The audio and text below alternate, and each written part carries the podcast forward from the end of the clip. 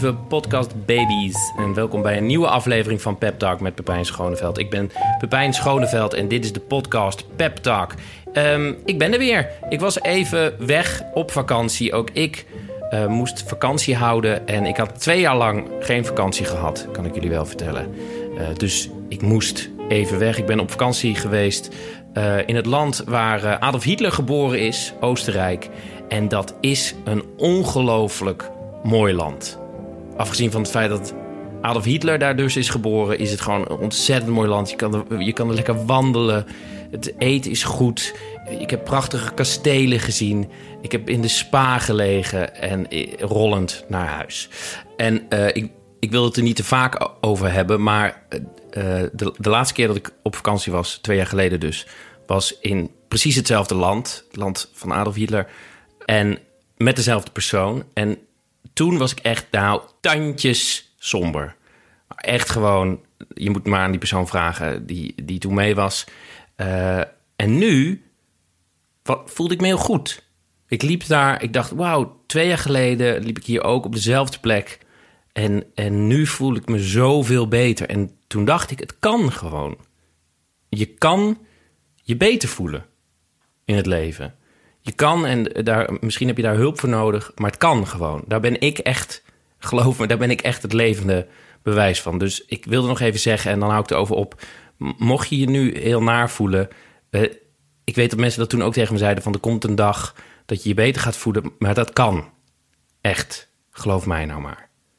Um, en ik heb ontzettend genoten van het heugelijke nieuws dat mij ter oren kwam. terwijl ik in. Uh, het geboorteland van Adolf Hitler was. En dat was dat uh, mijn podcast, Pep Talk, genomineerd is in twee categorieën voor de Dutch Podcast Awards 2020. En ik ben genomineerd in de categorieën cultuur en muziek en best host. Nou, dat is, vind ik ongelooflijk. Ik ben nu een aantal jaren met deze podcast bezig. Ik heb jullie ook gesmeekt om te stemmen en dat hebben jullie blijkbaar gedaan. Um, dus ik ben genomineerd. Wat betekent dat jullie dus ja, weer moeten stemmen.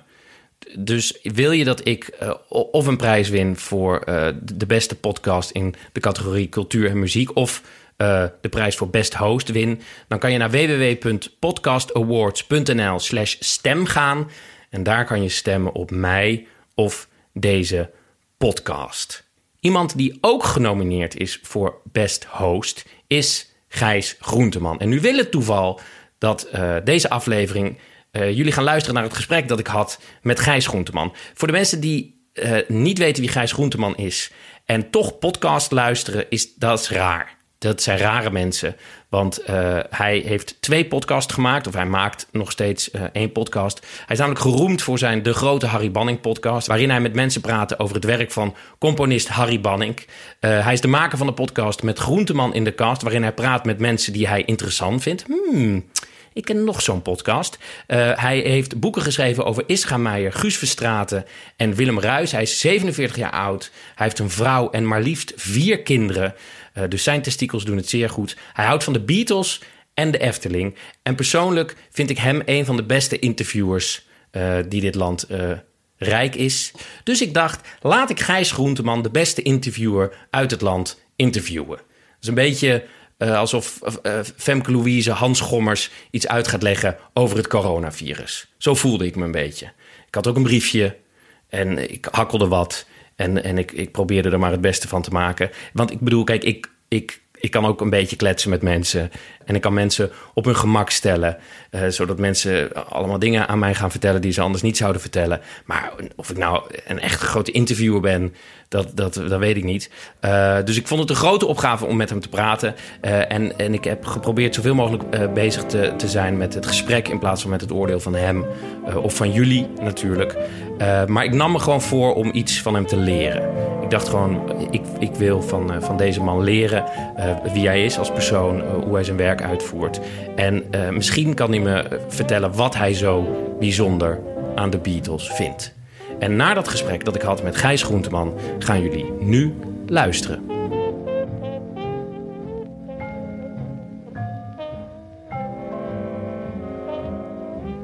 Even kijken hoor, hoe die, die hard genoeg is. Jij doet toch altijd als je... Jij bent altijd... Wat lach je? Nee, niks. Jij doet altijd... Staat hij aan als mensen komen, toch? Eh, nou, in mijn kast wel. Maar nu ben ik bij mensen thuis. Dus dan moet ik gewoon, net zoals dit, het gewoon eh, opbouwen eerst. En ga je dan eerst praten? Eh, nee, je ontkomt er niet aan om eerst een beetje te praten. Als je bij mensen thuis komt, binnenkomt, vraag of je koffie wil, Ja. enzovoorts. En je moet die, moet die recorder even opbouwen. Dan moet er een klein beetje gepraat worden natuurlijk. En waarom heb je ervoor gekozen om het bij de Volkskrant dan... als mensen binnenkomen... Nou, ik, eigenlijk heb ik dat gewoon ge- gejat van Martin Schimek. Ja. Bij wie ik eh, best lang redacteur was en later eindredacteur van het programma. Van Schimek Nacht. Hij deed dat ook altijd. En ik vond het eigenlijk supergoed werken.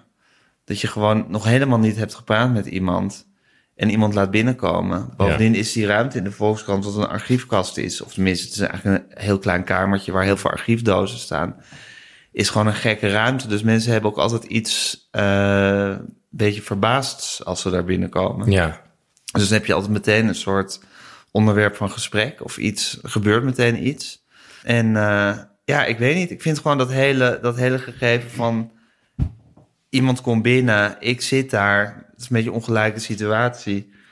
Ja, en wat er dan gebeurt, dat vind ik gewoon eh, spannend. Het is gewoon ideaal om zo een interview te beginnen. Hoef je meteen geen openingsvraag meer te En verzinnen. hoe, doe- hoe, ga je dan om, hoe ga je dan om van het sociale gesprekje naar het, naar het interview? Of probeer je dat zo klein mogelijk te houden?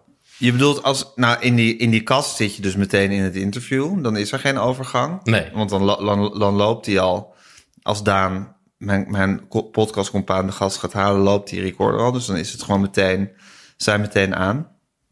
Ja, en zoals als, als ik nu, als ik bij mensen thuis kom, is het gewoon van, nou, wat jij nu ook doet, van, nou, zal ik hem dan maar aanzetten. En hoe doe je dan? Is de, is de grote overgang altijd tussen eh, gewoon kletsen en... eh, want ineens, dat vind ik altijd zo raar, ineens luistert iemand mee. Ja, nou, eigenlijk is de overgang niet zo heel groot. Eh, niet merkbaar groot, maar in mijn hoofd is hij wel groot. In die zin dat ik vanaf dat moment zit te luisteren naar wat er gebeurt, zou ik maar zeggen. Echt. Ja. Nou, eigenlijk is de overgang niet zo groot. Dus dan moet je harder werken. Ja, ik vind niet echt werken, maar het is, de, is, eh, ja, het is gewoon, ja, dan is het interview begonnen. Ja. Dat is dus gewoon het verschil tussen, tussen praten en interviewen. Maar goed, het verschil sowieso nog wel een be- beetje zoek in mijn leven wel eens. Dus Want maakt niet zo heel veel uit. wat is, ten eerste, wat is het verschil tussen praten en interviewen? Nou, toen ik begon met interviewen... Je moet samen- even je jas aan de kant doen, want Ja, het maakt zoveel lawaai. Toen ik begon met interviewen samen met mijn, met mijn vriend Teun van der Keuken... werkten we bij de avonden. En de avond was een VPRO-radioprogramma van eh, eh, de VPRO op Radio 5. En dat werd eh, geleid door Wim Noordhoek. En Wim Noordhoek nam ons onder zijn hoede.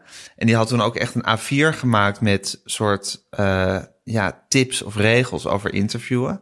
Dat A4 heb ik helaas niet meer. Maar een van de... en Wim is fantastisch, dat is een geweldig iemand. En een van de eh, eh, motto's of credo's, hoe je het wil noemen, die erop stond, was... Een interview lijkt een gesprek, maar is het niet.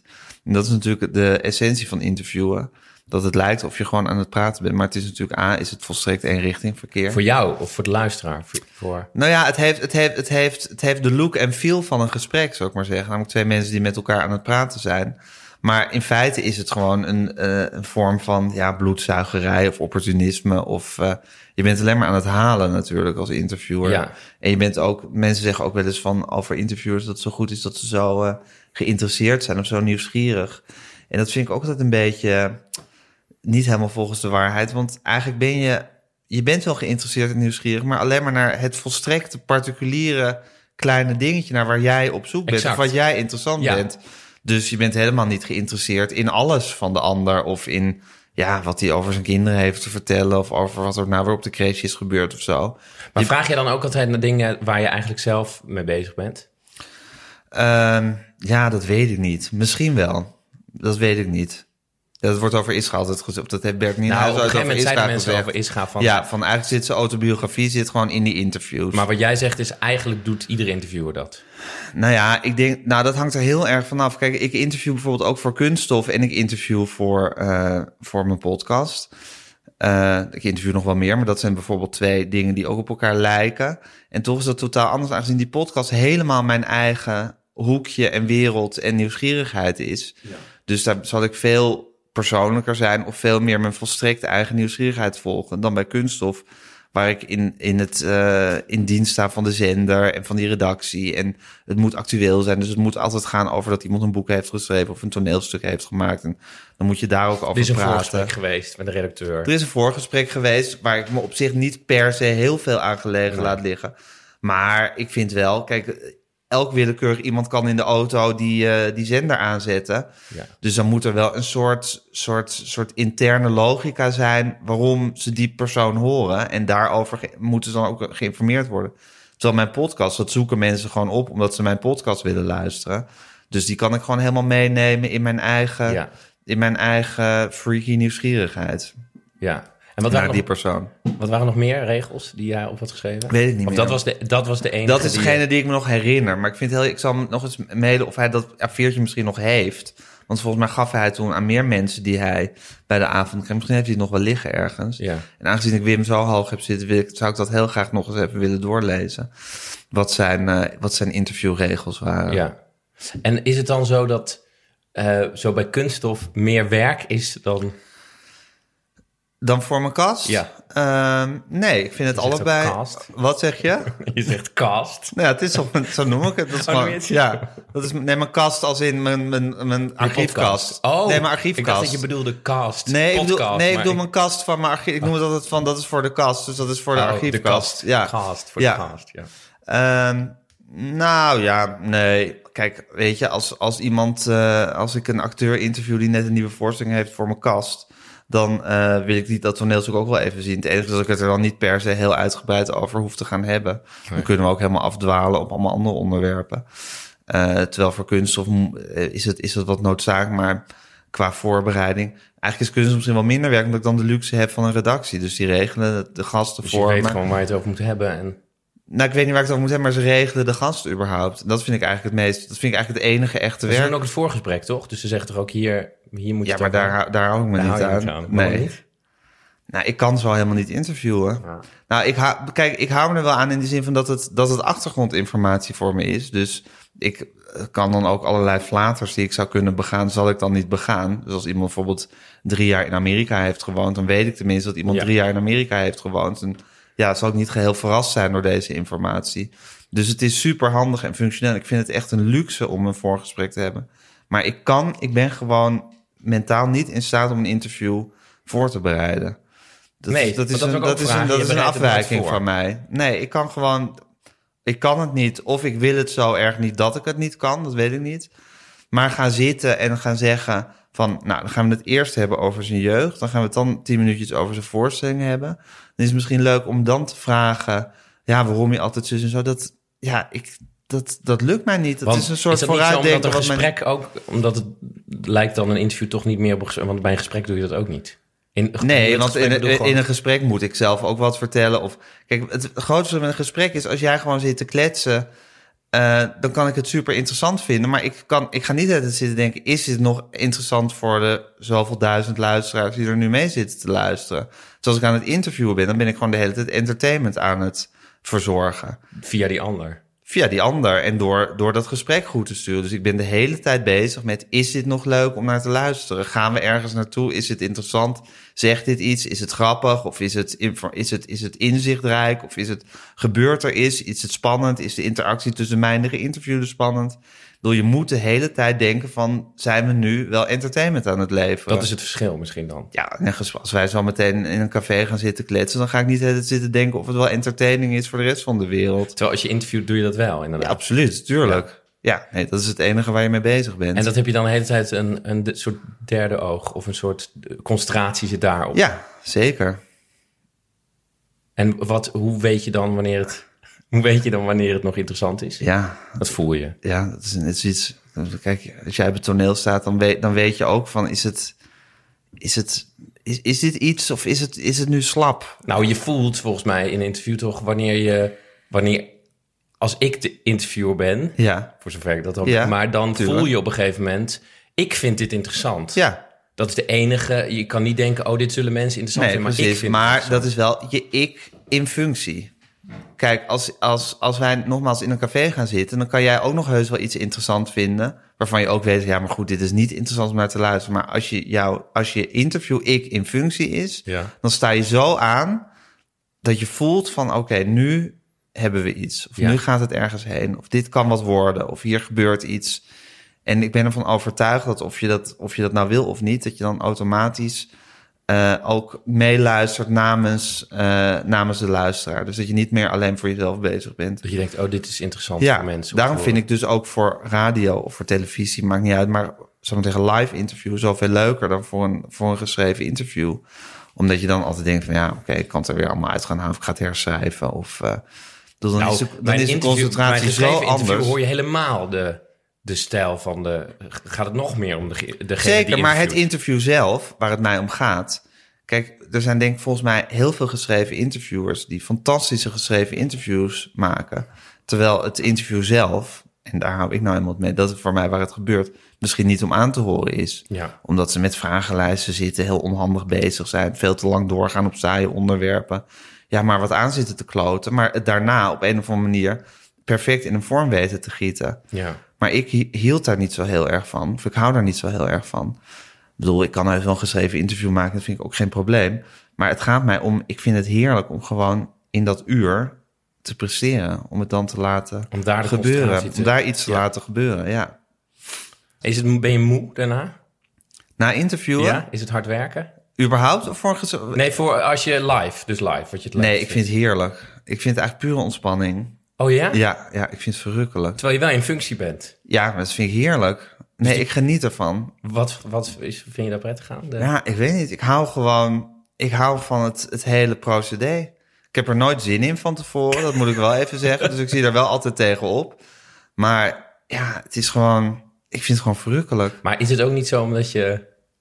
Want dat wilde ik sowieso nog vragen. Ik Ja. had namelijk wel... Nee, ik had niet voorbereid in Maar je had toch wel een beetje bedacht, ja? Nou, ik denk wel altijd na van ik- waar, waar wil ik... Ik heb gewoon een aantal dingen die ik wil Ja. weten, die ik interessant vind. maar Misschien doe jij dat Pepijn, dan ik wil hoofd. helemaal niet zeggen dat het fout is om het voor te bereiden. Het is helemaal niet zo dat ik zeg van... De regel zou moeten zijn dat je het niet voorbereidt. Want ik geloof dat er fantastische interviewers zijn... die het heel nauwkeurig voorbereiden... en volgens dat pad werken. Ja. Alleen ik kan het... Voor mij is dat niet de manier. Nee. Maar ehm Dus ik wil maar zeggen, je hoeft je niet te verontschuldigen als je iets voorbereid helemaal hebt. niet. Ik, ik, nee, eh, omdat ik... eh, ik denk wel altijd na... Ja. Wat wil ik van die... Wat is, het, wat is hetgene wat ik wil weten Ja. van diegene? Nou, ik denk dat ik dat ook wil doen, maar dat dat... Toch, dat weet je toch ook wel? Ja, maar dat is, dat, is, dat is een heel onbewust proces bij mij. Dus het is nooit zo dat ik dat, dat ik dat bijvoorbeeld in punten opschrijf. Het is meer dat ik gewoon... eh, ik ga iemand interviewen. Nou, of ik ken iemand al uit de media of persoonlijk. Of waardoor ik al een soort idee heb van... wat, wat is er toch met zo iemand? Ja. Kijk, ik ging bijvoorbeeld Wanda de Kanter interviewen laatst, die longarts. eh, die altijd strijdt tegen de tabaksindustrie. Nou, van haar, van, haar heb ik al een, eh, van haar heb ik al een beeld. Ja. Dus dan denk ik al van, oh ja, dat is leuk. Zo'n vrouw die zo in haar eentje of met een heel klein gezelschap... de hele tegen zo'n soort miljardenindustrie het aan het opnemen is. Nou, bovendien ziet ze er eh, apart uit. Dat klinkt beledigend, of dat klinkt onaardig, maar dat bedoel ik helemaal niet onaardig. Maar ze heeft niet een soort, zo'n soort artsenuiterlijk. Ze ziet eruit als een soort, soort, soort, soort, soort leuke, eh, bijzondere vrouw. Ehm, nou ja, en dat zijn gewoon allemaal soort eh, eh, ideeën die ik dan over haar heb, die niet eens zo heel concreet zijn, of die ik niet eens hoef op te schrijven, of waar ik helemaal over hoef na te denken, maar waarvan ik dan al denk van, daar zit wel iets. Ja. Als ik daarin, als ik op dat terrein een beetje ga zitten prikken, dan gebeurt er wel wat of zo. Ik denk van, nou, zou ik zeggen, iemand die het zo opneemt tegen zo'n industrie, zo'n miljardenindustrie, die moet gewoon een waanzinnige vechtlust in zich hebben en een soort overtuiging dat ze het kan redden. Dus ja, dan moet je daar een beetje in dat, in dat terrein een beetje gaan zitten vragen hoe Ja. dat zit en hoe dat komt en waar dat is ontstaan en eh, of ze het altijd al heeft gehad. Dat is een goede, heb je dat altijd al gehad? ja. Dat is een goede vraag. Heb jij altijd al willen interviewen? Nou ja, dat is bijvoorbeeld een goede vraag. Nee, maar dat is ideaal. Want wat, kijk, wat iemand nu doet met heel veel overtuiging, kan je donder op zeggen dat ze dat ook al deden toen ze tien waren. Ja. Alleen dat het toen heel anders was. Kijk, nu heeft ze, heeft ze haar weg eh, gevonden in het, eh, in de wereld. Namelijk die, die uh, mensen met longziekte beter maken en die tabaksindustrie Ja, bestrijden. Maar reken maar dat toen ze tien was of elf, dat ze ook al een heel strijdbaar type was. Maar dat ze dan nog tegen andere dingen moest strijden, dat Ja. dat heus niet altijd makkelijk was. Maar blijkbaar is er bij jou dus iets dat je ontspant en prettig vindt als je vragen mag stellen en als je ja, mag prikken zeker. met mensen. Ja, Had je dat altijd al? ik denk het wel. Ja? Ja, Nou, wat het grappige was, dat wilde ik sowieso vragen, daar had ik over nagedacht. Dat je in je. Ik heb wel eens iemand gesproken die jou kende en die zei. Gijs heeft wel eens over zichzelf gezegd. Ik heb niet zulke interessante gedachten van mezelf. Of ben niet zo'n Ja. interessant mens van mezelf. Ja. Dus vraag ik het maar aan anderen. oh zeker, ja. Dat is ook zeker, ja. Dat, vind, dat is, vind jij echt? Nou, laat ik het zo zeggen. Er zijn heel veel mensen die nooit een vraag stellen. Die gewoon altijd maar beginnen te praten over zichzelf. En dat vind ik onbegrijpelijk. Dat ik dat bedoel, ik vind zelf wat anderen meegemaakt hebben, te zeggen hebben, bedacht hebben. Eigenlijk per definitie zoveel interessanter dan wat ik zelf al weet. Want los van of het interessant is wat ik zelf al dan niet bedenk. Ik, heb, ik ken het al, ik weet het al. Ja. Dus ja, waarom zou ik dat in godsnaam dan de hele tijd willen vertellen aan anderen? Dus eh, Om de anderen te overtuigen. ja, maar Dat ik, mensen ik hoef ze nergens van te, ja, ik hoef ze nergens van te overtuigen. Maar dan heb je het al over een soort discussie. Nee. Maar mensen jij- willen graag, graag ook heel graag over hun eigen vakantie vertellen, bijvoorbeeld. Zeg maar wat, hè? Of een Ja. reis die ze gemaakt hebben. Maar heb jij niet, want je houdt heel van de Beatles bijvoorbeeld. Heb jij niet dat je graag over de Beatles aan andere mensen vertelt? Nou, ik wil over de je- Beatles wil ik mensen graag overtuigen. Ja. Dat, heb ik, dat heb ik inderdaad wel. Dat ik mensen wel graag gewoon, als ik iets mooi vind, dat heb ik van mijn moeder deze eigenschap, dan wil ik mensen ervan overtuigen dat het, dat het heel mooi is. Ja. En dat het. eh, zendeling. dat ze er heel, ja, ja, en zeker met de Beatles. De Beatles zijn mijn religie. Dat, ik, ik snap dat. Nou ja, goed, dan moet je mij daar maar van overtuigen. Waarom snap je dat niet? Ja, ik heb, daar, ik heb die muziek... Ik denk altijd... Hou je van muziek? Jawel, maar niet van de Beatles. Dan, dit kan niet, wat ik nu zeg. Nee, dan heb je gewoon nooit goed geluisterd. Ik denk altijd dat met de Beatles dat dat gewoon... Ze zegt toch altijd dat je muzieksmaak ontwikkelt als je in de puberteit. Mhm. En al die mensen die het hele tijd hebben over dat de Beatles zo goed zijn, denk ik, ja, dat is, was toevallig in jouw puberteit was dat de muziek. En daar heb jij nu de grootste connectie mee en de grootste. eh, en ik kan me voorstellen Ja, dat dit het is zo dom dat ik er niet eens op kan antwoorden. zo ongelooflijk stupide. Dat denk ik altijd. Ja. Ik voel niks bij de Beatles. Dat is het. Maar heb je de Beatles ooit bij. een kans, een echte kans ge- wat, Ja. wat heb je geluisterd van de Eh, Beatles? eh, eh, hoe heet het? De White Album. ja, En een verzamel-cd. oké. En, en, en, en ik voel niks erbij. Nee. Nou, sowieso een verzamel-cd van de Beatles luisteren is sowieso Die blauwe, onzinnig. die blauwe dubbel. Ja, die blauwe. Dat is de tweede. Ja. Je hebt een rode en een blauwe. ja. Kijk, een verzamels... ah, Maar, ja, ik vind het superleuk om het over de Beatles te hebben, Ja. hoor. Zal ik het gewoon doen? Zal ik Ja, gewoon, doe zal maar. ik- Kijk, om te beginnen, ik ben uit 1974, dus dat hele verhaal van die puberteit, dat klopt ook al Nee, niet. maar het kan zijn dat je in je puberteit je moeder dat, dat aan gaf. Zeker. Niet helemaal zo gaan, maar ik ben het gaan luisteren. Maar ik ben ervan overtuigd dat als je van muziek houdt, als je een muziekliefde hebt. Nou goed, jij hebt naar mijn Harry Banning podcast geluisterd. Ja. En je waardeert Harry Banning. Je, Enorm, je, ja. je zeurt aan mijn hoofd om Harry Banning muziek. Ja. Dus eh, dat heb je toch ook niet in je puberteit. eh, Nou, wel mijn kindertijd. Ik denk dat dat, dat, dat, dat, dat iets resoneert. nou, maar als je van. Harry Banning houdt, kan het niet eigenlijk dat je niet van de Beatles houdt, vind ik. Omdat Oh, ja? het zo ongelooflijk muzikaal is. Het is zo fantastisch en zo interessant. En het ongelooflijke van de Beatles is dat het, het fantastische van de Beatles is, en daarom is het psychologisch ook zo interessant, vind ik, is het verhaal, namelijk die twee karakters van die twee persoonlijkheden die elkaar ontmoet hebben, die door een soort godswonder ongeveer op dezelfde plek in de wereld geboren zijn, ongeveer op hetzelfde moment in Liverpool Ja. in de jaren 40. En eh, zo interessante muzikale persoonlijkheden, zo tegengesteld. John Lennon, iemand die pure provocateur, rauw, eh, een en al binnenkant, een en al het uiten van gevoel was op een hele harde en, en confronterende manier. En aan de andere kant Paul McCartney, die het tegenovergestelde is, namelijk alleen, nou, hij lijkt op John, of hij is nog, nog, nog veel muzikaler dan John Lennon. Dus iemand die de ongelooflijkste, lekkerste, heerlijkste, verrukkelijkste melodieën kan schrijven. En dat zijn hele leven heeft gedaan. En tegelijkertijd, zoals John Lennon hem noemde, de best PR-man in the world is. Dus een en al buitenkant, eh, eh, beetje verhullen van de pijn. eh, het verhullen van wat er diep van binnen in je omgaat, maar alleen maar het, het lekker maken van alles en het, en, het, en het naar binnen laten glijden van alles. En die twee persoonlijkheden, tegenstelde die elkaar gevonden hebben en op een waanzinnige manier op elkaar pasten. Alleen al hun stemmen.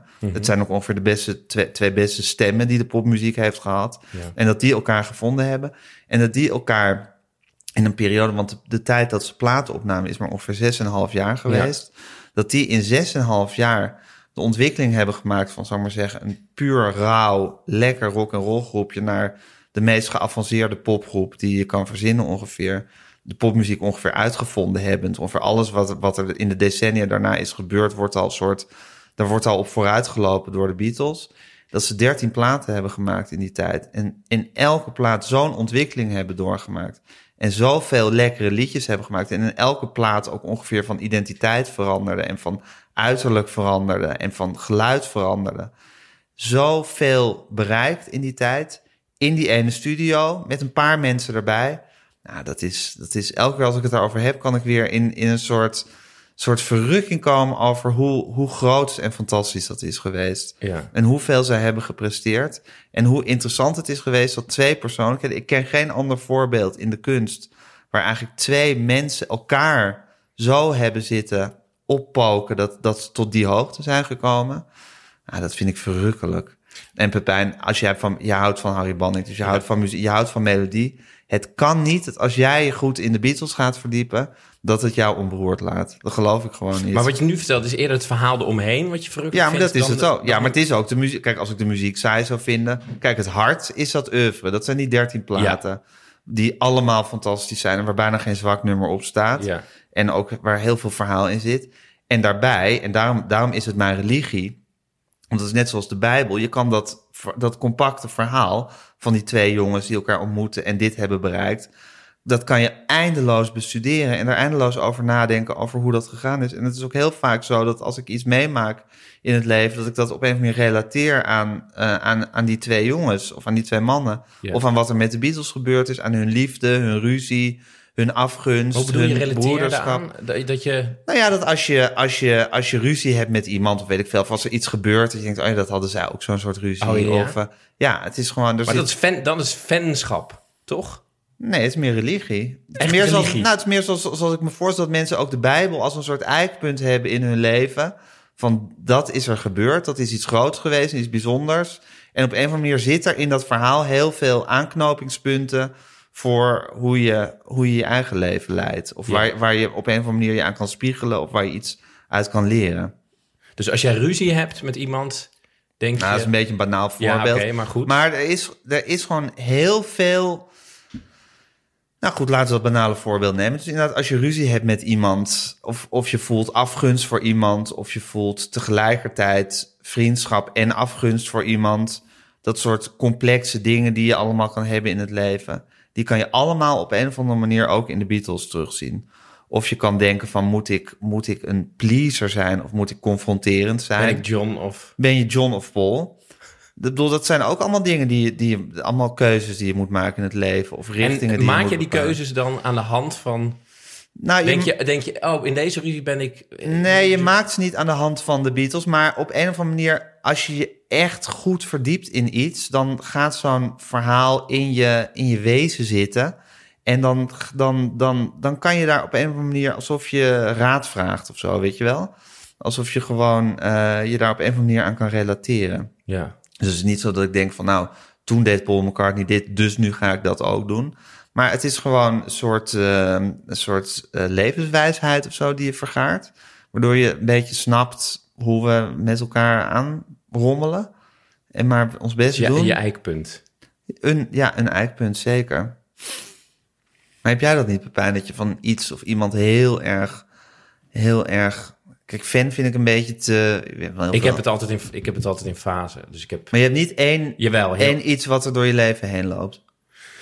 Nee, ik heb altijd steeds... steeds In welke fase zit je nu dan bijvoorbeeld? Ehm nou, niet zo, niet zo'n fase. En ik heb nu niet zo'n fase. Maar ik heb vaak inderdaad, want ik herken het heel erg. Dat je Ja. zo denkt, ik was een tijd lang heel Ricky Gervais fan of fan, maar dat dat Ja. het eikpunt, Lucy Kay. Dat was dan, hoe zou, da- hoe zou hij in zo'n situatie? Oh, hij, hij denkt zo. Ja, goed Ja. eikpunt. Tot het, op een gegeven moment was dat, Ja. was dat voorbij. Ehm, maar dan, dan... Op een gegeven moment is zo'n... Want dat vroeg me wel af. Op een gegeven moment is de magie weg van dat Ja, maar ik heb dus heel Dus op een gegeven ik moment heb dacht heel ik bij heb- C.K. dacht ik... Ja, maar ik heb ook heel veel fases, maar de Beatles ligt, zal ik maar zeggen, Onder onder, alles. alles. als de basis. Maar op een gegeven moment gaat dat ik vragen. Op een gegeven moment gaat daar de magie toch ook van. nee, op gegeven, de nee? Beatles gaat de magie nooit vanaf. Op een gegeven is, ik heb periodes dat ik ze twee jaar lang dat ik alleen maar Beatles draai. Maar dat, dat gaat dan op een gegeven moment voorbij. Dan denk je, nu, nu weet ik het wel weer. Maar Ja. zou maar zeggen, de, de grootsheid van wat ze gepresteerd hebben... het heerlijke verhaal, de hoeveelheid foto's... die er elke dag weer op Twitter, bij de accounts die ik volg... er duiken gewoon elke dag weer... Ik zal je nu even een citaat van... Ken Rick Rubin? Nee. Echt niet? Nee. Oké, geef niet. Rick Rubin is een van de grootste Ik heb nog nooit zo'n een van de grootste, gehoord grootste popproducers. Eh, hij heeft onder andere die, eh, die hele eh, serie platen van... Hij was, hij was vroeger de producer van de Beastie Boys, zo is hij begonnen. En hij, is, hij heeft, later heeft hij bijvoorbeeld die hele serie platen van Johnny Cash geproduceerd. Die American Recordings. Ja. Ken je die of niet? Ja. Met die zwart-wit foto's. Ja. Nou, dat is, ik maar zeggen, zijn Hij heeft een, vind ik, een fantastische uitspraak over de Beatles. Die ik niet helemaal, eh, bedoel, waar ik, die ik niet zelf zo zou doen, maar waarvan ik wel begrijp wat hij bedoelt. Even kijken. What is it about the Beatles? What made them work? Wordt hem dan gevraagd. En dan zegt hij: It transcends everything. It's much bigger than four kids from Liverpool. For me, the Beatles are proof of the existence of God. Dat deel ik niet met hem, maar ik snap wel wat hij bedoelt. It's so good and so far beyond everyone else that it's not them. Nou, en dat snap ik dus heel goed wat hij bedoelt. Dat het, dat het, dat het, dat het gewoon een, eigenlijk niet te bevatten is eh, wat ze gedaan hebben. Het tempo waarin ze het gedaan hebben en de ontwikkeling die ze gemaakt en de, de, de schoonheid van wat ze gema- gemaakt hebben is zo fantastisch. En het is voor mij niet het bewijs van het bestaan van God, maar wel het bewijs van ja, wat, tot wat voor waanzinnige dingen mensen in staat zijn. En hoe ongelooflijk schitterende dingen ze kunnen maken. Waar, is, geeft dat er je troost of geeft dat je hoop? Of, Eh, het geeft me eh, troost in die zin dat het, dat het, dat het, dat het, dat het gewoon... Ja, zoals, zoals, zoals, je, zoals je somber kan worden over de slechtheid die mensen dingen elkaar aan kunnen doen... kan je ook vrolijk worden of eh, gerustgesteld worden over de, de schoonheid die mensen kunnen, ja. kunnen verrichten. Dus het is, en ik vind eh, kunst, ik bedoel, zo er een zin van het leven is, zit die in kunst volgens mij. Van gewoon de, de, de schoonheid ervaren in dingen. In dingen die niet, niet te begrijpen zijn vaak. Of niet rationeel te begrijpen. Dus in die zin geeft het hoop of troost of blijdschap of geluk of weet ik veel wat. Maakt het het leven gewoon draaglijk überhaupt. Omdat het niet rationeel te begrijpen is. Omdat het gewoon zo prettig is. Dat Ja. het gewoon heerlijk is.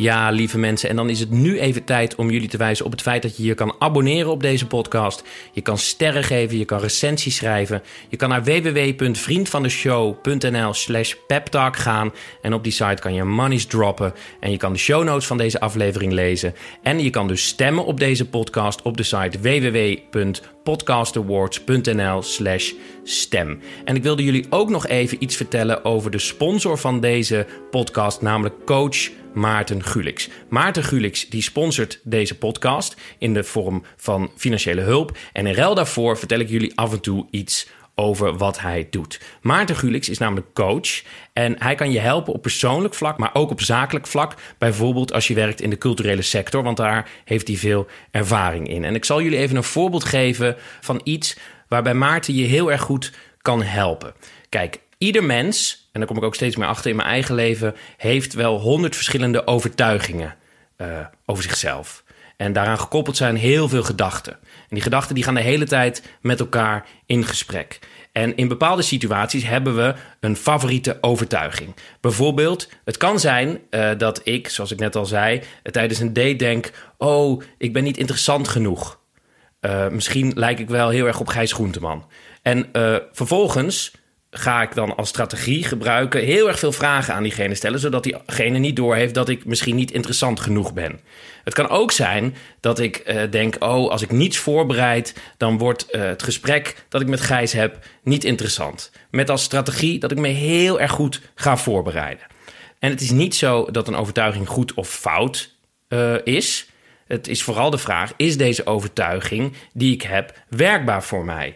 Als de overtuiging werkbaar is, ja, dan is er niks aan de hand. Maar als die niet werkbaar is en je krijgt heel erg veel stress of een burn-out of je podcast wordt niet goed omdat je je heel erg goed voorbereidt of je hebt nooit een leuke date omdat je alleen maar vragen de hele tijd stelt, dan uh, is zo'n overtuiging niet helpend.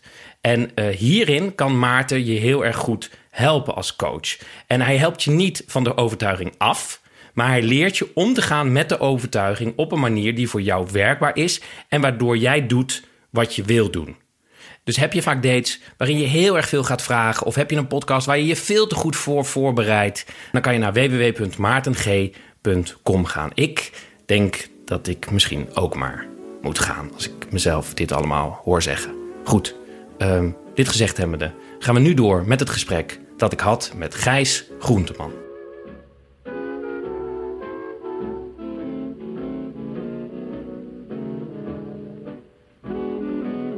Nog even, we hadden net over um, dat je altijd vragen, in het echte leven ook vragen stelt aan anderen. Ja.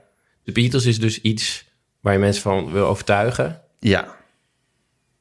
Um, Voor de Beatles kan ik wel dwingend zijn. Ja, dat merkte ik. Maar, maar uh, soms zijn mensen er ook gevoelig voor.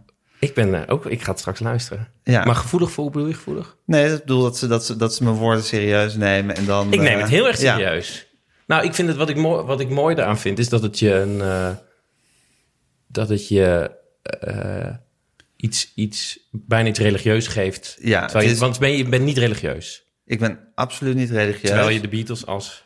Nou ja, ik ben niet religieus, maar ik ben, ik ben zeer uh, ontvankelijk, ontvankelijk voor het onbevattelijke.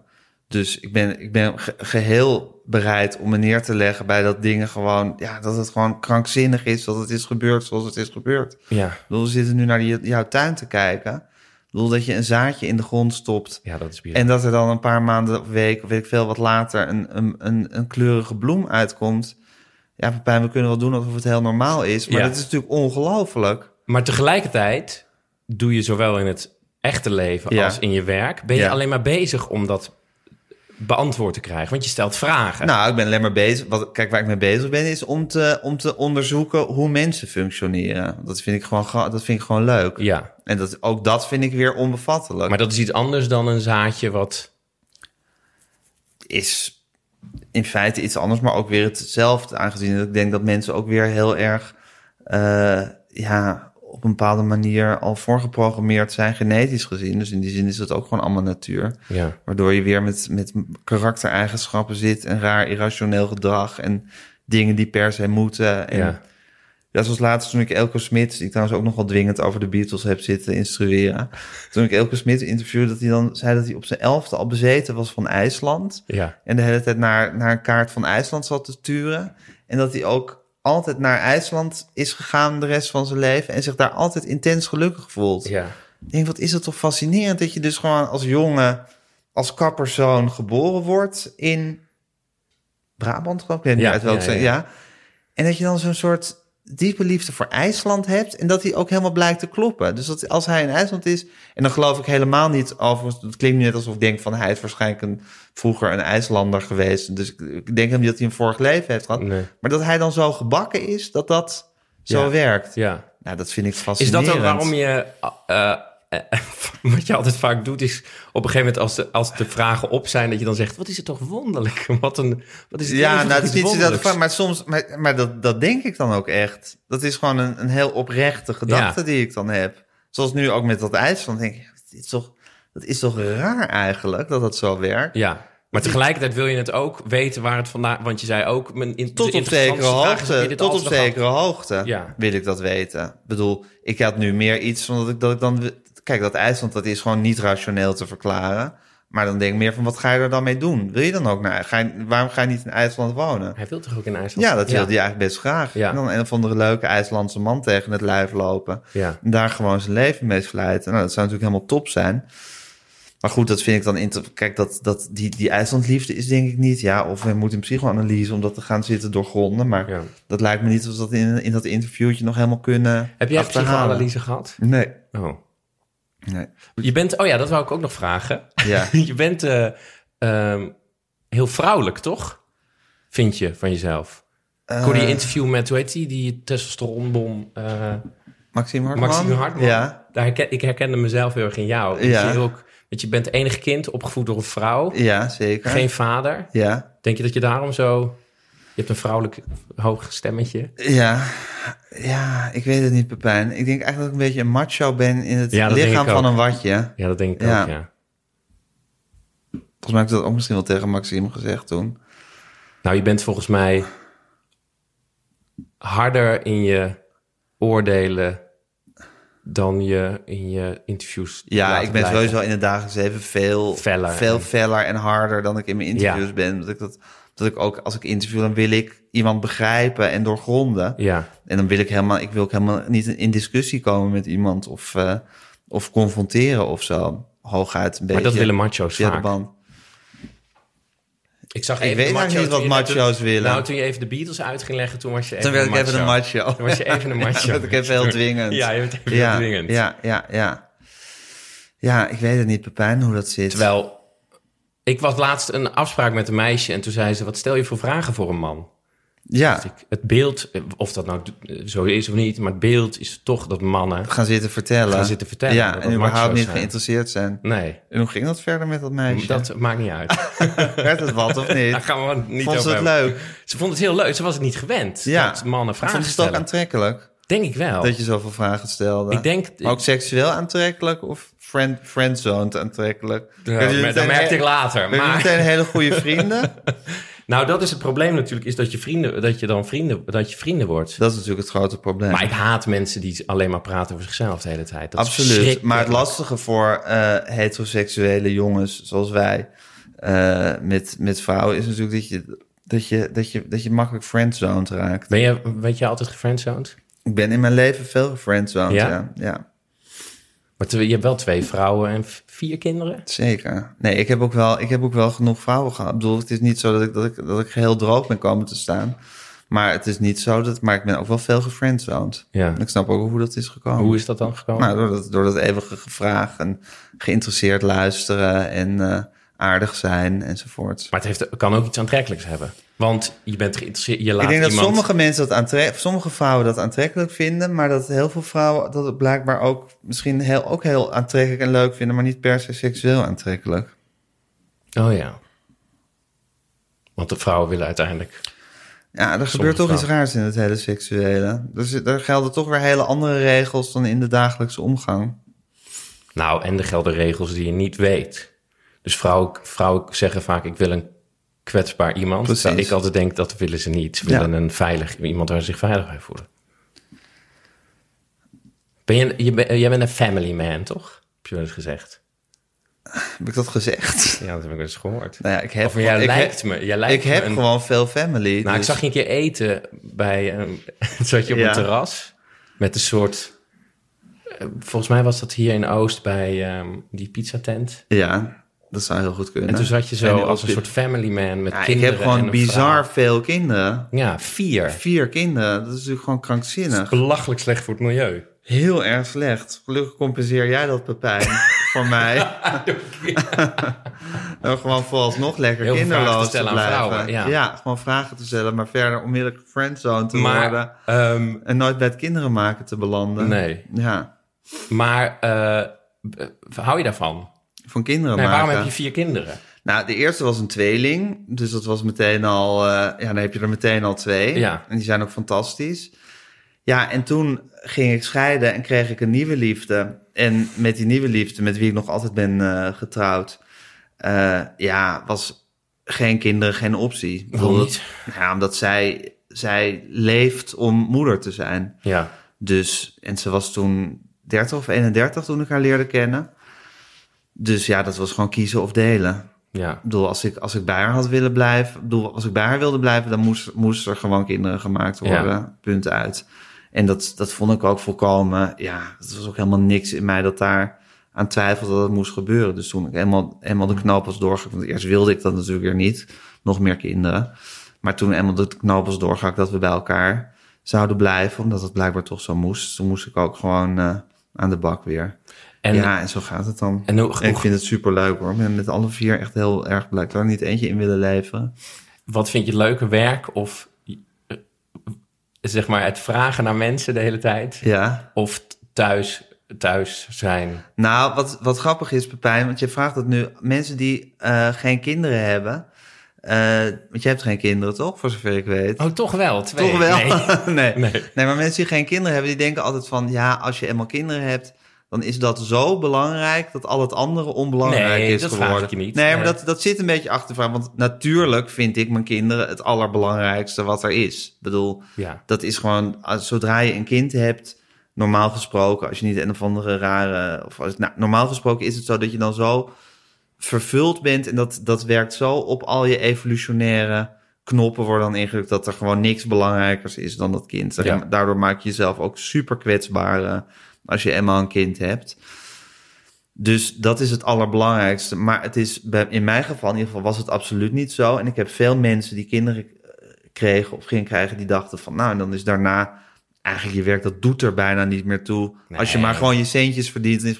Nee, eh, je geldingsdrang en je, je zin om, om verder te komen in het leven en om, om goede dingen te doen en om je ego te bevredigen, is helaas eh, op geen enkele manier minder geworden daarna. Nee, nee, nee, maar ik, voel, ik stelde de vraag. Ik kan Ja. me zo voorstellen dat het zo'n warm bad. Ik kan me voorstellen dat jij iemand dat een, een prettig warm bad vindt. Om die kinderen te hebben Nou ja, en thuis familie, te zijn, is, is heerlijk. Dat is een fantastisch warm bad. Maar Ja. ja, ik wil ook in dat koude bad van, eh, van, van, van interviews doen en daar succes mee hebben en verder komen in het leven. Ja. Helaas is dat bad ook nog steeds, eh, Die, die Relevant. twee baden bestaan naast elkaar. ja, ze zijn naast elkaar. En het is niet dat er één belangrijker is dan de. Nee, en als het ene bad niet goed werkt, dan, dan, dan leidt mijn, mijn humeur er ook daar Maar ik heb veel vrienden die kinderen hebben en die zeggen allemaal dat dat pad van dat carrière, Ja. dat dat wel, dat ze dat in ieder geval beter kunnen relativeren. Ah ja, geloof dat ik niet. nee? Nee, Dat je in ieder geval kan denken,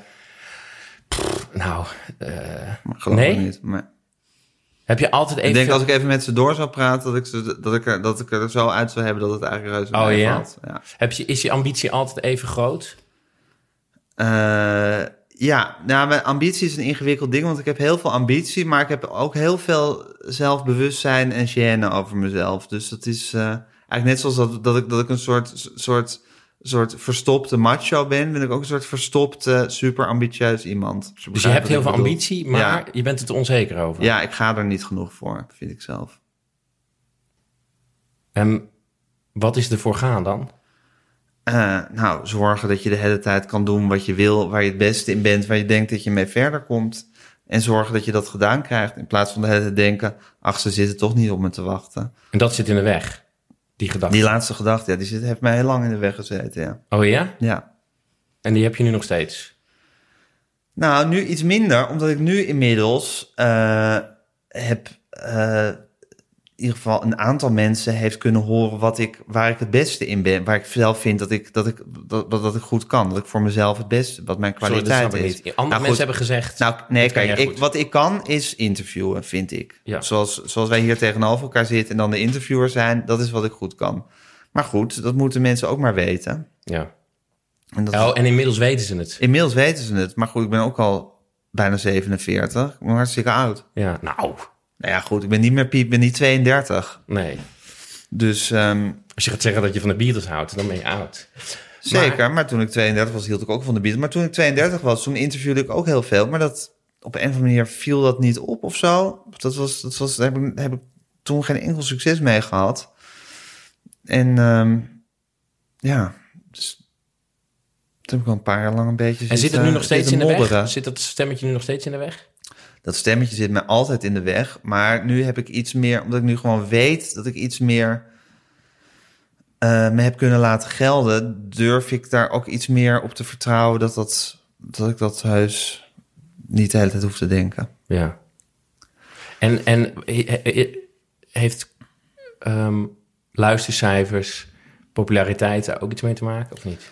Nou, luister, luistercijfers niet, maar het feit... Ik, ik merk gewoon dat ik, die, dat ik die interviews maak en dat die weerklank vinden. Dat ik Ja. daarop aangesproken word. Mensen zeggen, god, dat is leuk. Of ik luister naar je podcast of ik krijg mailtjes. Ik merk gewoon van, oh, blijkbaar is het, komt het aan bij mensen. Terwijl ik ook jarenlang dingen heb gemaakt waarvan ik het idee heb van, ik gooi het in een, in een, in een soort put en ik hoor er nooit meer wat van. Ja, ja. ja.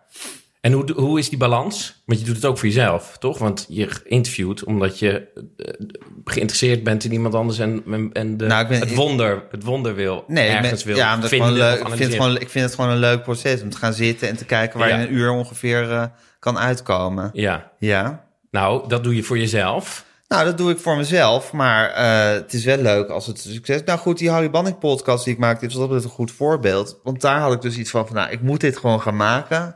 Ik heb zelf super veel zin om met al die mensen over Harry Banning te gaan praten... en naar die Ja. liedjes te luisteren. Ik heb gewoon zin om die interviews te maken. Ik maakte toen alleen nog maar geschreven interviews. Eh, wat, zo- zoals je inmiddels weet, niet mijn hobby eh, is... Dus ik dacht van, nou, hier kan ik gewoon iets doen wat ik zelf leuk vind. Ik kan die mensen makkelijk bereiken, want die had ik al- allemaal wel als geïnterviewd. Dus ik hoefde er, die kon ik gewoon Ja. bellen en vragen of ik erheen mocht komen. Het was allemaal overzichtelijk. Ik kon het zelf monteren. En ik dacht, dan heb ik gewoon een leuk projectje voor mezelf. En ik had niet gedacht, eerlijk gezegd, dat iemand er, of dat er veel mensen op zouden zitten te wachten. Maar ik had daar gewoon zin in Ja, om dat te doen. Nou, maar dan is het natuurlijk wel weer tien keer zo leuk als er daadwerkelijk eh, een paar duizend mensen zijn die er super enthousiast Ja. over zijn. En nou, jij hebt me toen een keer aangesproken op straat en dat gebeurt tot op de dag van vandaag. Dat mensen dat gewoon tegen me zeggen. En elke keer gloeit mijn hart dan van trots. Omdat ik denk, wat ontzettend leuk. Dat gewoon iets wat ik, wat ik, wat ik omdat ik gewoon zo zelf zin had ben gaan doen. En gewoon met mijn hele hart en ziel en wat ik in me heb ben gaan maken. En dat je daar gewoon mensen ja. ja, echt een plezier mee. Dat mensen er echt van hebben genoten. En daar gewoon uren en uren en uren naar hebben zitten luisteren. ja. Ja, dat is. Dus ik vond het heel leuk om te maken. Maar het is natuurlijk nou, echt weer nog veel en veel leuker. Als het daadwerkelijk ook aan blijkt te komen. Oh ja, is dat leuker dan het maken? Nee, het, maken is leuk, maar dat wordt nog leuker. Oh, dat, nog leuker, Dat, ja. het, de sensatie daarvan dat je dat gemaakt hebt. En hoe, dat is gewoon. Ja, dat is, Ja. dat is, dat is toch gewoon heerlijk. Het is Ja. gewoon heel leuk om, eh, om succes. En dit is allemaal micro-succes. Hè? Ik bedoel, het, is, het, is, het, zijn, het zijn een paar duizend mensen. Het is niet, eh, het zijn niet miljoenen. Maar goed, toch. Er zijn mensen die er heel erg dol zijn op die podcast. Er met heel veel plezier naar hebben geluisterd. Die me uit de grond van hun hart bedankt hebben dat ik dat ben gaan maken. Ja, dat is geweldig. Ja. En dat, dat match, match, bij dat macho gedrag, eh, Ja. ben je afgunstig? Zeker. Ja? Ja. Want hoort dat bij dat macho gedrag? Of? Ik weet niet of dat bij dat macho gedrag hoort, maar ik ben gewoon van mezelf een redelijk afgunstig, jaloers, eh, de, de mensheid niet per se alles gunnend iemand. Ja. Ja, En hoe, hoe uitzicht dat? Of? Dat ik afgunstig en jaloers ben. nee, maar gewoon, is dat... Is dat, Nou, gaat dat niet- in je zitten? Gaat dat in je zitten of ga je dat spuien? En... nou, ik had bijvoorbeeld, ik heb bijvoorbeeld heel lang, eh, toen ik nog zelf nog helemaal geen werk had als interviewer op de radio of Ja. dat soort dingen, dat ik, dat ik dan gewoon denk, waarom zitten al die prutsers Ja. dit allemaal te doen? Ja. En mag ik dat nooit doen? Waarom? En dan denk ik niet van, nou, vind toch ook te gek voor die prutsers. Of, eh, of ik gun het ze ook heel erg. Dan denk ik, nee. Dit is is gewoon, ja. Nou, bijvoorbeeld, ik werk dus altijd voor Martin Schimek. Die had op, op eh, zaterdagnacht, eh, eh, had, hij, had hij zijn programma Schimek S'nachts, waarin hij altijd Ja. iemand interviewde. En dat vond en vind ik een fantastisch programma. En ik vind hem een geweldige interviewer. En die zaterdagnacht, tussen 12 en 1 was dat, is voor mij daardoor een soort heilig radiouur. Ja, en dat Eus, die niet kan interviewen, daar nu elke zaterdagnacht niet kunnende te zitten, te interviewen op Ja. die plek waar ik eigenlijk vind dat Martin Schimek gewoon nog steeds, tot die is nu ouder, maar ik vind dat, dat juist ook die anciëniteit super interessant zou zijn. Zou- Anciëniteit? Wat is dat? Anciëniteit, zijn, zijn ouderdom. Oh, zo, ja, ja, ja. Dat, dat, dat die, zou zeggen, gewicht door ouderdom. Ja, dat, dat, dat, bedoel, daar ben ik dan niet af van. Ik vind niet dat ik dat zelf zou moeten doen. Ik zou dat zelf ook door gaan doen. Maar eigenlijk vind ik dat Martin daar gewoon zou moeten zitten. Ja. Maar daar kan ik dan niet heel mild over, eh, over nadenken. die, eh, die en ik neem dat Eus helemaal niet kwalijk Nee. hoor, dat hij niet kan interviewen. Maar dat dat, dat, dat dat dan wordt, dat, dat hem dat wordt gegund. Ja. Terwijl hij dat niet kan. Terwijl Martin gewoon dat ook nog steeds zou kunnen doen. Vind ik moeilijk te verkroppen. Ja. Wordt er veel geprutst nu? Vind je dat er... Er wordt altijd veel geprutst. Maar is dat meer dan... Je Zeker. bent wat ouder dan... Is dat, was dat vroeger ook? Ongetwijfeld. Ik word alleen maar weer woedend de hele tijd dat dingen alleen maar geprutst zijn. Maar dat is dus altijd. Ja, tuurlijk. Ik denk dat er altijd, ik denk niet dat er ooit, ooit altijd overal kwaliteit te zien Nee. is geweest of te horen of. En vind je dat je het, denk je dat je het kan veranderen? Wat het geprutst? Het gepruts? Of het systeem wat het gepruts Het toelaat? systeem kan ik zeker niet veranderen. Nee? ik kan alleen maar proberen op veel plekken te komen, waardoor ik in ieder geval zelf in mijn eigen ogen het niet kan gaan zitten verprutsen. Ja. Ja, en dat is dan nog maar in de, in de beperkte ding wat ik kan. Maar nee, natuurlijk kan, is dat systeem niet te veranderen. En geeft die afgunst, die, eh, zorgt die afgunst ervoor dat je harder gaat werken? Of dat je... Nee, dat, dat nee, het het is stemmetje... een heel, heel contraproductief. maar kan je dat stemmetje kan je dat niet gebruiken om dat stemmetje ik kan het niet te overschreeuwen? Nee, nee het, wordt, het slaat bij mij eerder naar binnen. Ik word er meer gewoon dat ik dan denk van... en het systeem is zo kut. Dus, dus- ik bedoel, ik, denk, ik zie het eerder als, als van... oké, ze willen prutsers, dus ze willen mij toch niet. Oh ja. Sterker nog, ik heb altijd gedacht... als ik ooit een soort van succes ga krijgen...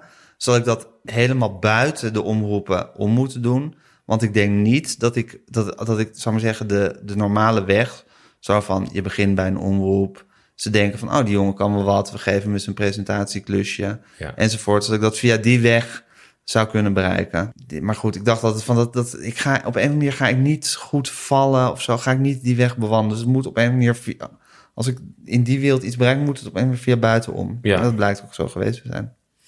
Die, ehm, zo dat het verwonderen wat je opzoekt Mhm. bij de Beatles, bij andere mensen en zo. Ehm, is, heb je dat nodig om een soort, soort nou niet somber, maar een soort leegheid te over, te overwoekeren? Nou, of ik dat nodig heb. Kijk, mijn somberte is er gewoon. En zeker nu, het, nu, de, Oh ja, nu, de, nu, de, nu de, winter. da- de, de dagen weer korter worden. Ja, dat heb jij, hè? Dan ja, ik heb gewoon winter, nou, winterdepressie. Het is natuurlijk geen depressie, maar het is gewoon wintersomberte. Lichttherapie?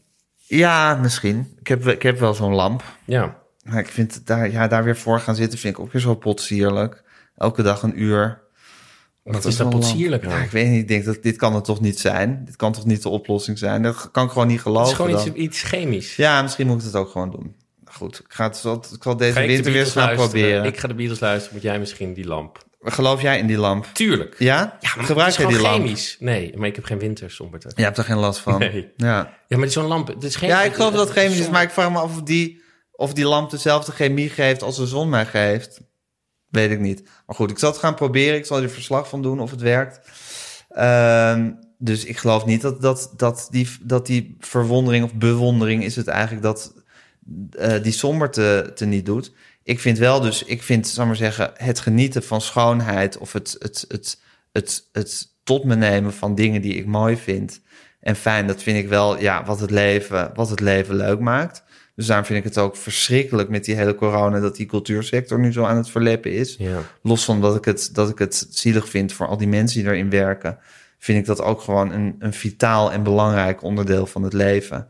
En dat dat gewoon kapot gaat, dat, is, eh, dat, dat vind ik afgrijzelijk. En ehm, eh, verder vind ik die bewondering, dat, ja, dat is gewoon, dat is gewoon, sommige mensen zijn heel kritisch op alles. En ik ben ook wel kritisch, maar ik kan ook heel erg goed gewoon mensen totaal adoreren. ja.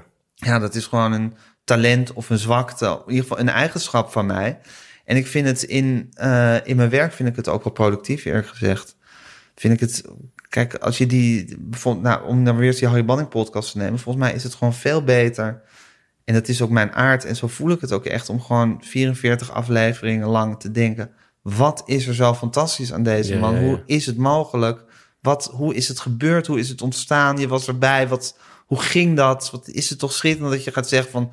Ja, maar het is toch niet erg vernieuwend? Of eh, ja, had daar toch... eh, had hij daar niet eens met wat anders kunnen komen? Of eh, ja, ik mis toch wel een beetje zus en me zo. Ik bedoel, dat kan natuurlijk, je kan natuurlijk ook het allemaal heel kritisch tegen liggen. Maar volgens mij is het... Ja, volgens mij levert het veel meer op als je gewoon vanuit bewondering... Kan je natuurlijk, binnen die bewondering kan je ook heus wel weer eens kritisch zijn. Maar gewoon te denken, het is gewoon fantastisch dat het bestaat... en dat het gebeurd is en dat het gemaakt is. Hoe heeft het zo kunnen gebeuren? En hoe hou je de balans tussen eh, niet kritisch zijn en verwondering en se- sentimentaliteit? Geen idee. Gewoon, ja. Nee, want ik geloof heel erg het dat... doen? Nou ja, volgens mij is verwondering ook een keuze. Toch? Je kan er ook voor kiezen. Nee, dus bij mij is het Nee? gewoon... eh, ja, maar je hebt nu verwondering of bewondering, hè? Dat zijn Verwondering. Verwondering. Oh, wat is het verschil? Nou, bewondering is dat je ook iets echt heel goed vindt. Nee, ik heb het over verwondering. Ja, verwondering. Maar Je ik ben ook, ik ben ook erg van je het je bewonderen. Ik ben heel erg dan door verwondering, door bewondering. Verwondering. Door Dus bewondering. je, be- be- je bewondert iets Ja. en daar laat je je door verwonderen. Ja, precies. Maar je ik kan- ga iemand interviewen. Dit is trouwens ook een les die ik van Martin Schimek heb geleerd. Die altijd zei van, ik moet altijd op zoek naar hetgene waar ik, wat, wat ik bewonder in iemand. En dan kan je daarover gaan zitten praten. Oh, en ja. als ik Adolf Hitler zou moeten interviewen, Ja. dan zou ik denken van, hoe kan het dat je zo gedreven bent en zo vol vuur dat ene doel gaat najagen? Ja. En daar gaan we het dan over hebben. Ja. In plaats van dat je ja, een kritisch interview met Adolf Hitler zou houden. Wat natuurlijk ook heel goed mogelijk zou zijn. ja. Hoe heb je alles zo voor elkaar? Ja, hoe En- ben je zo ver gekomen? Je- Uit ja. die geslagen positie, hoe ben je helemaal daar aan de top gekomen... Ja. dat je al die mil- miljoenen mensen hebt mogen vermoorden? En als jij niet, als jij niet, eh, want dat, dat bewonder ik bij jou dan, de, de, toen ik hoorde dat die vriend dat had gezegd over jou, Ja. dat vond ik, was ik over verwonderd. Dat ik dacht, hoe kan iemand zichzelf zo, nou niet zo, maar, oh ja, ik heb niet zulke interessante gedachten, dus vraag ik. Nou, ik vind mijn eigen gedachten echt niet zo interessant. Je hebt net over de Beatles. En, Ja, en maar dat is allemaal geleende kennis wat ik over de Beatles... Kijk, ik Maar heb... denk je dat andere mensen interessantere... Dat, ja, ik weet wel zeker. Ja? Ik vind bijna iedereen interessanter dan mezelf. Echt? Ja, echt. Ja, Denk je dat de mensen jou bewonderen? ik heb geen idee. Verwonderd zijn over... Nou ja, mensen, ik weet dat er mensen gek zijn op mijn interviews. Dus die, dat, dat zullen ze dan wel in mij bewonderen. Of dat zullen ze wel goed vinden. Maar een goede vraag stellen of... Ja, maar ik kan ook Dat wel, ik kan ook wel goed toch ook- ja, interviewen. dat en dat vind ik ook super leuk. Ik bewonder, er zijn ook een paar interviews die ik zelf heel, viewers die ik zelf heel erg heb bewonderd. Wie zijn dat? Nou, Martin, Schimek, Ja. Ischa Meijer en Theo van Gogh. Dat zijn Ja. mijn drie, eh, mijn drie eh, basisinterviewers, zou ik maar zeggen. Dus die vond ik fantastisch. Dus dat ik, dat ik zou maar zeggen, in kijk, ik bewonder ook heel veel muzikanten, maar ik ben heel erg aan muzikaal zelf. Dus ik kan nooit in hun voetsporen, ik kan nooit in hun voetsporen treden. Ja. Dat is heel jammer. Ik bewonder ook schrijvers, maar ik kan ook niet goed schrijven. Interview kan ik wel goed toevallig. Dus eh, ja, dat ik, dat ik, dat ik nu eh, gewoon lekker veel interviews kan maken en dat mensen daar ook van genieten, dat vind ik heerlijk. ja. Ja, ik zou veel liever gitarist in een, in een popband willen zijn, maar goed. Dat lijkt me nog, nog, nog veel ultiemer. Maar heb je de dingen... ik vind dit ook al leuk. Ja. Wonderlijk, toch? Wat? Het leven. Het leven is heel wonderlijk. Maar dat is toch zo, Ja, Pepijn? enorm, ja. Het leven is toch iets... Ja, Vind jij het leven... dat een- geploeter waar we allemaal mee bezig zijn. Maar vind je het, vind je het eh, ook mooi dat het een... Dat je, ik vind het zo mooi dat je ervoor kan kiezen. Waarvoor? Om Nou, te leven. om- nee, waar je je... Je kan de- kiezen om je te... Ja, dat is wat ik net ook al zei. Je kan kiezen om je laten, te laten verwonderen. Dat is een keuze. Misschien verschillen we daarin. Ja, Ik vind dat echt een keuze. Want je, als je wil, kan je overal wel... Ik kan ook zeggen, je houdt van de Efteling bijvoorbeeld. Toch? ja Heb ik me zeker, laten vertellen. zeker. Door onze gemeenschappelijke vriendin. Ja. Eh, die. Je kan door de Efteling lopen en denken: wauw, het, het sprookjesbos. Je kan ook denken: ja, het zijn, dat zijn, is aangelegd door mensen. Het zijn poppen. ja, dat denk ik. Maar dat vind ik, dus- ik vind het fantastisch aangelegd. Oh, Kijk, het goede van de Efteling vind ik juist dat je, dat je ziet hoe maximalistisch die mensen bezig zijn geweest. Dus kijk, het is niet zo dat ik per se. Nou, ik, vind, ik ben heus wel gevoelig voor Anton Pieck, maar dat komt door. Maar het is niet zo dat ik dat nou. Dat ik mijn huis vol hang met Anton Pieck tekeningen. Ja. Zo mooi vind ik niet. Maar bij de Efteling zie je gewoon hoe ver die mensen gaan om die hele illusie van de Efteling in stand te houden. Oh, dus je bent, niet, je, bent, je bent niet verwonderd door de illusie, maar door hoe de illusie ja, tot stand is Ja, en ik geniet volgens van die illusie ook omdat ik kinderen heb. En je ziet dat die kinderen gewoon helemaal uit hun dak gaan daar. Ja, Dus daar kan je ook heel goed in mee. En je ziet vervolgens dat alles klopt in die fucking Efteling. ja. Dus hoe de mensen zijn, hoe aardig ze zijn, Hoe alle stalletjes eruit zien, hoe elk bord beschilderd is, Ah. hoe alles met SCH is geschreven. Ik bedoel, de Efteling... Maar je kan ook, daar, daarbij kan je ook denken... Ah, het kapitalisme, ze willen geld van me aftrokken. Ik bedoel, dat bedoel ik. Je oh kan... ja, maar ik ben heel erg voor het kapitalisme. Ja? ja, zeker. Oh ja? Nou ja, tot op zekere hoogte. Hoezo? Eh, hallo, het kapitalisme kan doorslaan, maar ik vind op zich het kapitalisme helemaal niet een heel verkeerde... Nee, oké. maar je kan, wat ik... Wil je liever in het communisme leven? Nee, nee, er is geen betere. er Nee, is geen betere. bedoel, dat dan maar ook. kapitalisme. Ja, ja, ja. Een topleven hebben we hier. Maar je kan ook denken, dit is allemaal gedaan om mij geld... Ja, maar kijk dat, kijk, dat denk ik dus als ik in een slecht pretpark ben. Was laatst in het Tiki-bad. en denk je, dat zou je misschien ook van onze gemeenschappelijke vriendin het gehoord hebben. Dat mijn zoontje een partijtje had. Dan denk je, wat een gore zooi. Je zit alles lelijk en een beetje viezig. En, en je wordt de hele tijd... Het was ook weer in die corona, dus word je de hele tijd van God naar her gecommandeerd. Maar dat is armoeig. Ja, En ik ben in heel veel pretparken geweest, ook Euro Disney. Ik denk, ook, ik vind dit armoeig, ik vind het niet leuk. Je krijgt de hele tijd junkfood. De mensen zijn niet aardig. Het is allemaal niet... Toch bij die Eftelingetje van Jezus, ze zijn hier echt to de max gegaan om mij de Efteling-ervaring te geven. ja. En natuurlijk doen ze dat om geld te verdienen, maar ze leveren ook wel waar voor hun geld. En Ja. zo duur is het niet eens. Ik bedoel, als je een dagje naar Artis gaat, is het, is het duurder. Ja, Dus dat vind ik gewoon top. ja.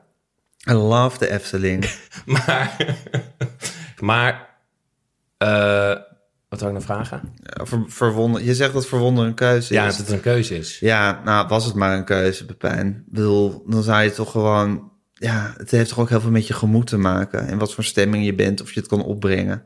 Om je te verwonderen en om, om- Ja, om nou, de schoonheid van dat- dingen tot Nee, je door te laten bedoel- dringen. Ik bedoel niet, mis- misschien klinkt een keuze zo van ik ga me hier wel door, maar je moet wel, je moet je er wel, toe, je moet je er wel, je moet er wel open voor staan. Klinkt, klinkt- Ja, dus je moet er zeker open voor staan. Maar dat, dat moet je ook maar op kunnen brengen. We dat hadden- bedoel We ik. hadden het net over klussen. En toen zei ja, je moet wel geduldig zijn. Ja, geduldig zijn, dat moet je ook maar op, nee, maar op dan, kunnen ik bedoel brengen. dan niet dat het een keuze, dan bedoel ik inderdaad, je moet het op kunnen brengen. Je moet het op kunnen brengen. Ja. Ja, zeker.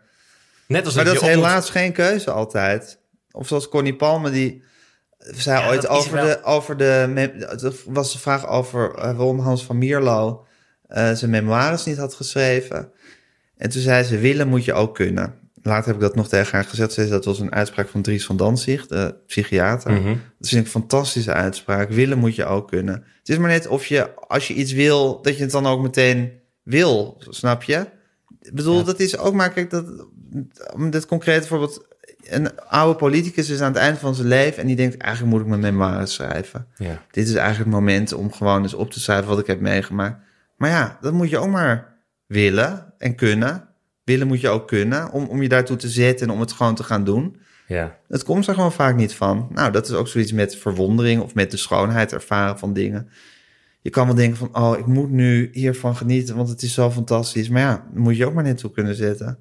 Ja, dat, Ja, dat jij nou altijd het zonnetje in huis bent, Pepijn, dat kan ik ook niet helpen. helemaal niet. Nee, maar ik heb geleerd om, om, Je hebt geleerd om je daartoe te zetten. nee, ik heb me geleerd om, eh, om daartoe te zetten. Ja. Ja, nou, dat is een van de grote... Ik heb heel vaak dingen gedaan waarvan ik dacht, dit vind ik nu niet leuk, maar ik doe het omdat ik... En werkt het dan leuk? Ja, maar dat Vaak is wel. ander verhaal. Ja, Ja. ik denk dat het het verhaal is. Maar ja, dat is toch een van de grote, een van de grote klussen in het leven. Een van de grote worstelingen. Wat? Nou, om je gewoon tot iets te zetten. Om iets leuk te vinden. Om ergens van te genieten. Ja, nee, maar zeker. Ja, Daar zijn we het over eens dan. ja. Dus, en dat is lang niet altijd makkelijk. Een keuze klinkt zo makkelijk. Alsof je een knopje aanzet of uit. Nee, het is heel hard werken. Ja, maar het is heel moeilijk. de andere Het is kant wat op... moeilijkste nee, wat maar de, is. de andere kant op is ook heel- die... die, die het is Eh. makkelijker om dingen af te kraken. Vaak. Dan om je te laten verwonderen. Zeker, zeker. Ik ben een afkraker van mezelf. Ja, daarom. Dus misschien is het wel lekker dat ik dan inderdaad kan verwonderen als ik gewoon eh, interview. Misschien is het wel een hele goede manier om mijn eigen, mijn eigen zwartgallige karakter eventjes tijdelijk eh, Aan de kant uit te te zetten. zetten. Ja, dat zou kunnen. Dus je zet hem tijdelijk uit, zodat je je even kan laten Nou ja, wat we net al concludeerden is dat ik in het, in het dagelijks leven... eh cynisch wil ik het niet noemen, maar zo ironischer of Hard. harder of, of, of minder... Of meedogenlozer ben Roddelen dan in ook? Veel roddelen? Roddelen ben ik gek op. Heerlijk. Ja, ja. Le- je leest toch ook al die bladen en zo? Ik lees niet al die Oh. bladen, maar ik, ik ben ook helemaal niet... Ik walg helemaal niet van, van die bladen. Nee. En ik hou ook van roddelen. Maar dat is ook gewoon heel erg van hoe mensen functioneren. Ik hou ook heel erg van praten van over andere mensen. Ja, hoe zit dat nou? En eh, hoe doet hij dat? Of wat doet hij, heeft hij nou weer gedaan? Of weet ik veel wat. Ja. Nou, gewoon praten over andere mensen vind ik verrukkelijk. Ja. Hoeft dan niet een kwaaie zin te zijn. Dan hoef ik ook niet te weten met wie ze het allemaal doen of niet. Wil ik ook wel weten, vind ik wel leuk. Maar dat, dat is niet de essentie van roddelen. Maar vooral van, Maar als je, er interviewt, als je interviewt, je zei net die hardheid of cynisme, of ja. dat ben je het dagelijks leven, dat zit je uit op het moment. Ja, Ik vind die productief, ik vind die constructief geloof ik in een interview. Iemand gaan zitten kritiseren. Het is niet productief, nee. Nee, ik vind nee, veel, je veel, moet echt open veel beter. Ja. Van, Waarom doe je dat? Ja. Hoe gaat dat dan? Ja. En, eh, maar het is dus en zo. En dan proberen mee te denken hoe dat dan zit. Dat is ook altijd goed als mensen het gevoel hebben dat je op niveau zit mee te denken. Daar worden ze ook praatgraag van. Dus als ze denken van, oh, als ik hem iets zeg, dan komt er iets interessants terug. Dat vinden ze ook leuk. Dus ja, zo'n beetje. Ja. Oké. Wat had je nog staan? In je boekje. Een schattig handschrift heb je Ik heb trouwens. een heel kinderlijk Je hebt een handschrift. kinderhandschrift, een hè? kinderhandschrift. Wat zou dat zeggen over jou, Pepijn? Wat het er zegt over mijn kinderhandschrift, dat ik gewoon nooit... me- Nee, wat zegt, het, wat zegt het over jou dat je een kinderhandschrift hebt? dat ik kinderlijk ben. Hoe Is dat zo? Dat weet ik niet. Dat, is, dat zou je... Vind je jezelf kinderlijk?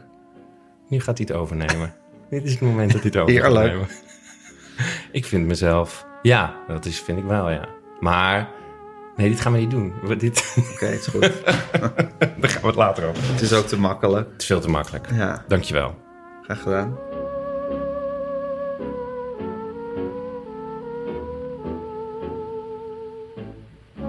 Ja, lieve mensen, dit was het gesprek dat ik had met Gijs Groenteman.